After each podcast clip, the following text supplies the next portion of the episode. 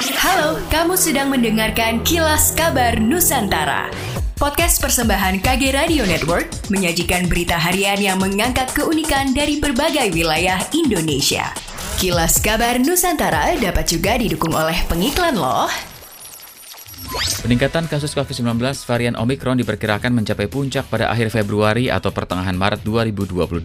Pembatasan kegiatan masyarakat dilakukan menggunakan syarat vaksinasi dan protokol kesehatan. Masyarakat diminta mengurangi mobilitas. Penambahan kasus harian sempat melonjak menjadi 1054 kasus pada Sabtu kemarin dari sehari sebelumnya 850 kasus. Dalam rapat terbatas yang dipimpin Presiden Jokowi, diakui bahwa kasus varian Omikron saat ini lebih banyak akibat transmisi lokal ketimbang kasus yang dibawa pelaku perjalanan luar negeri.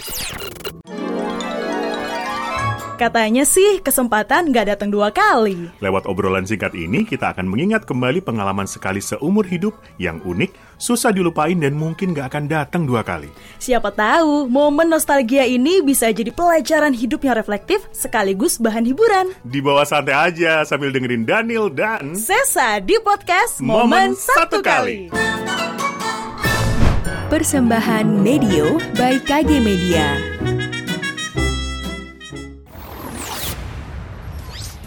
Pencegahan peningkatan jumlah penyandang disabilitas di Kalimantan Selatan dinilai merupakan langkah yang lebih tepat daripada harus terus membangun sekolah-sekolah khusus. Salah satunya dengan edukasi dan pemenuhan gizi kepada ibu hamil untuk menghindari risiko lahirnya anak dengan kondisi tersebut. Anggota Dewan Pendidikan Kalimantan Selatan Abidin Syah mengungkapkan dari tahun ke tahun terjadi kenaikan jumlah penyandang disabilitas yang berdampak pada meningkatnya kebutuhan sekolah luar biasa atau SLB. Di tahun 2018 lalu tercatat ada 99.359 penyandang disabilitas dan di tahun 2020 naik menjadi 99.715 orang. Dari jumlah tersebut, 25% di antaranya merupakan anak usia sekolah. Sementara saat ini jumlah sekolah yang berikan pendidikan khusus baik SLB maupun sekolah inklusif masih sangat sedikit. Syederalun, vaksinasi COVID-19 pada anak usia 6 hingga 11 tahun di Kabupaten Aceh Singkil dimulai secara serentak Senin hari ini. Vaksinasi anak dilaunching oleh Bupati Aceh Singkil Dul Musrid di SD Negeri Bukit Harapan,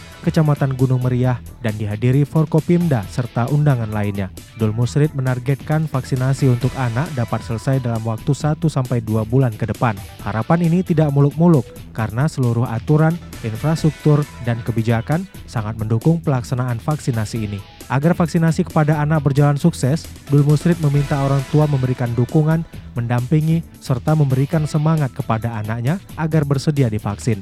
Komite sekolah, dewan guru, serta camat disebut Dul Musrid juga harus berperan aktif demi terlindunginya generasi penerus dari paparan COVID-19.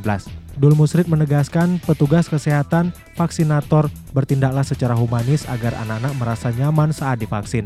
Program vaksinasi kepada anak usia 6 sampai 11 tahun sebagai upaya memberikan perlindungan dari paparan COVID-19.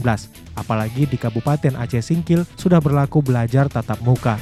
Demikianlah kilas kabar Nusantara malam ini.